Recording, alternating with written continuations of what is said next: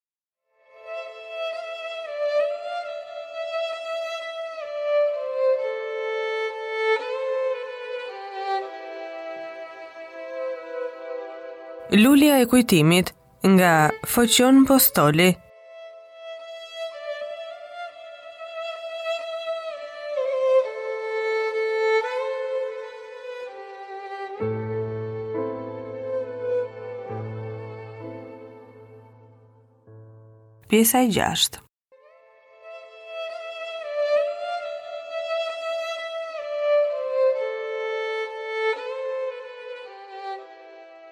Rreziku që ndjenin të dy të dashurit po afrohesh si një re e zezë që duket për së largu në qiellin e paqmë dhe afrohet që të errë botën.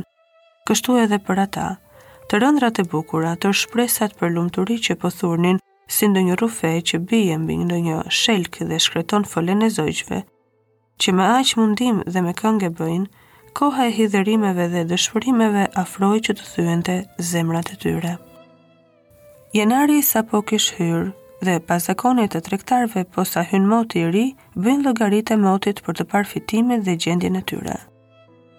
Zoti Kristo duke parë llogaritë e tij bashkë me shkronjësin Nikon, u habit shumë kur pa që moti që kaloi i solli një fitim dy herë më të madh se vjetet e tjerë. Tërë këto mbarësi ia kushtonte Nikos. Zoti Kristo mendonte se që kur kishte ardhur Nikoja në dyqan, puna po i përparonte me një sulm të veçantë. Dhe nga nakari se mos Nikoja që i dukej atij aq i zoti mund të vinte me ndonjë tregtar tjetër që punonte, futi në mendjen e tij një plan që do ta kishte përherë, një plan që do ta bënte bijën e tij Olimbinë të lëngonte dhe zemërthyër.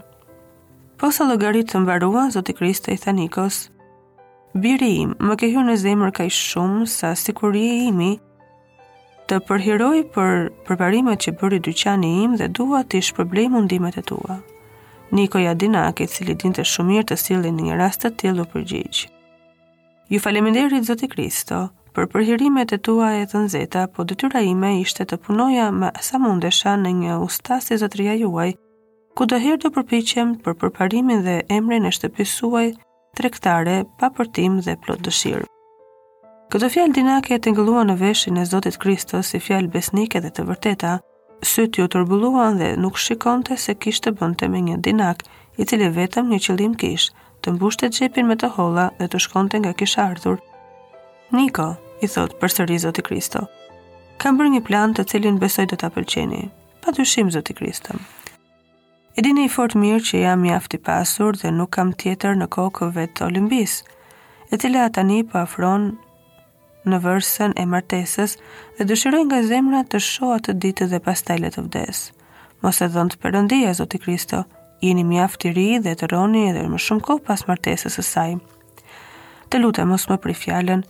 Jam menduar shumë herë për të gjetur shoqin që i meriton asaj, Dhe nga të gjithë që kam në sy, vetëm një djalë gjej pas dëshirës sime, por nuk di nëse do të aspektojnë të dy në dorën e saj.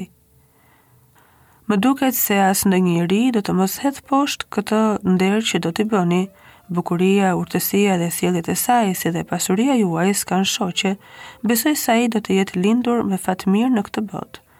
Kështu e gjykoni, tha Zoti Kristo me një zë të dredhur. Pa dyshim, Zoti Kristo.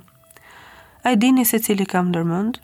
Për fat nuk jam i aftë i stërvitur, me gjithë ndjesitë e qytetit ose më mirë nuk jam kaq i thellë të kuptoj dëshirën tuaj. Niko, tha Zoti Kristo duke nënqeshur, juve jeni ai që mendohem të bëj bijën time të lumtur.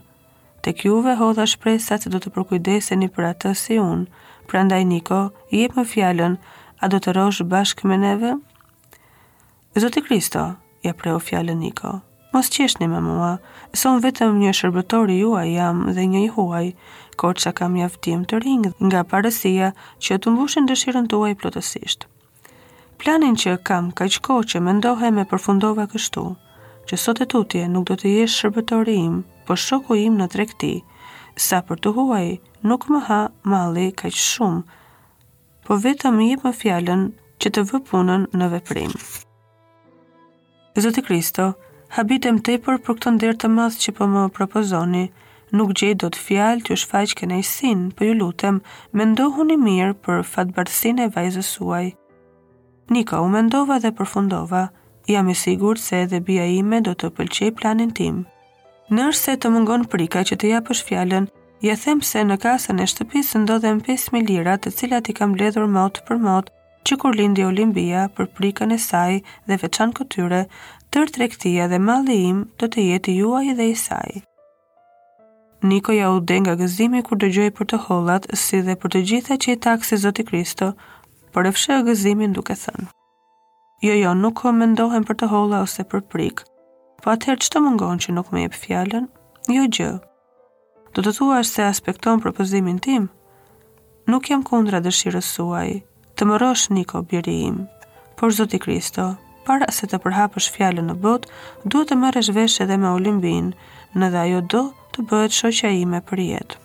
Lërja plakut Kristo këtë punë, dhe pa fjalë, fjala ime nuk do të gjejë kundërshtim. Ashtu u bëftë, tha Nikoja duke qeshur dhe që të dy shtrënguan duart për marrëveshjen e plotë që bënë. O marrëveshje e hidhur për dy zemra, për dy të rinj, për dy vërsatarë. Po sa u largua Zoti Kristo nga Nikoja, sytë e Nikos shkëlqyen si prej ndonjë tigri që triumfon në luftën mbi ndonjë egërsirë të fuqishme. Tundi kokën e tij duke thënë me vete, të zura në grackë Zoti Kristo, nuk do të shpëtosh më nga mua tani. Dhe në anën tjetër, Zoti Kristo thoshte me vete, Sa e lumtur do të jetë bija ime kur të bëhet shoqja e Nikos, i cili është kaq i zoti në tregti dhe kaq mirënjohës dhe me sjellje të pëlqyera. Tërë Korça do të habitet me mua dhe tërë miqtë do të përgëzojnë për këtë gjë.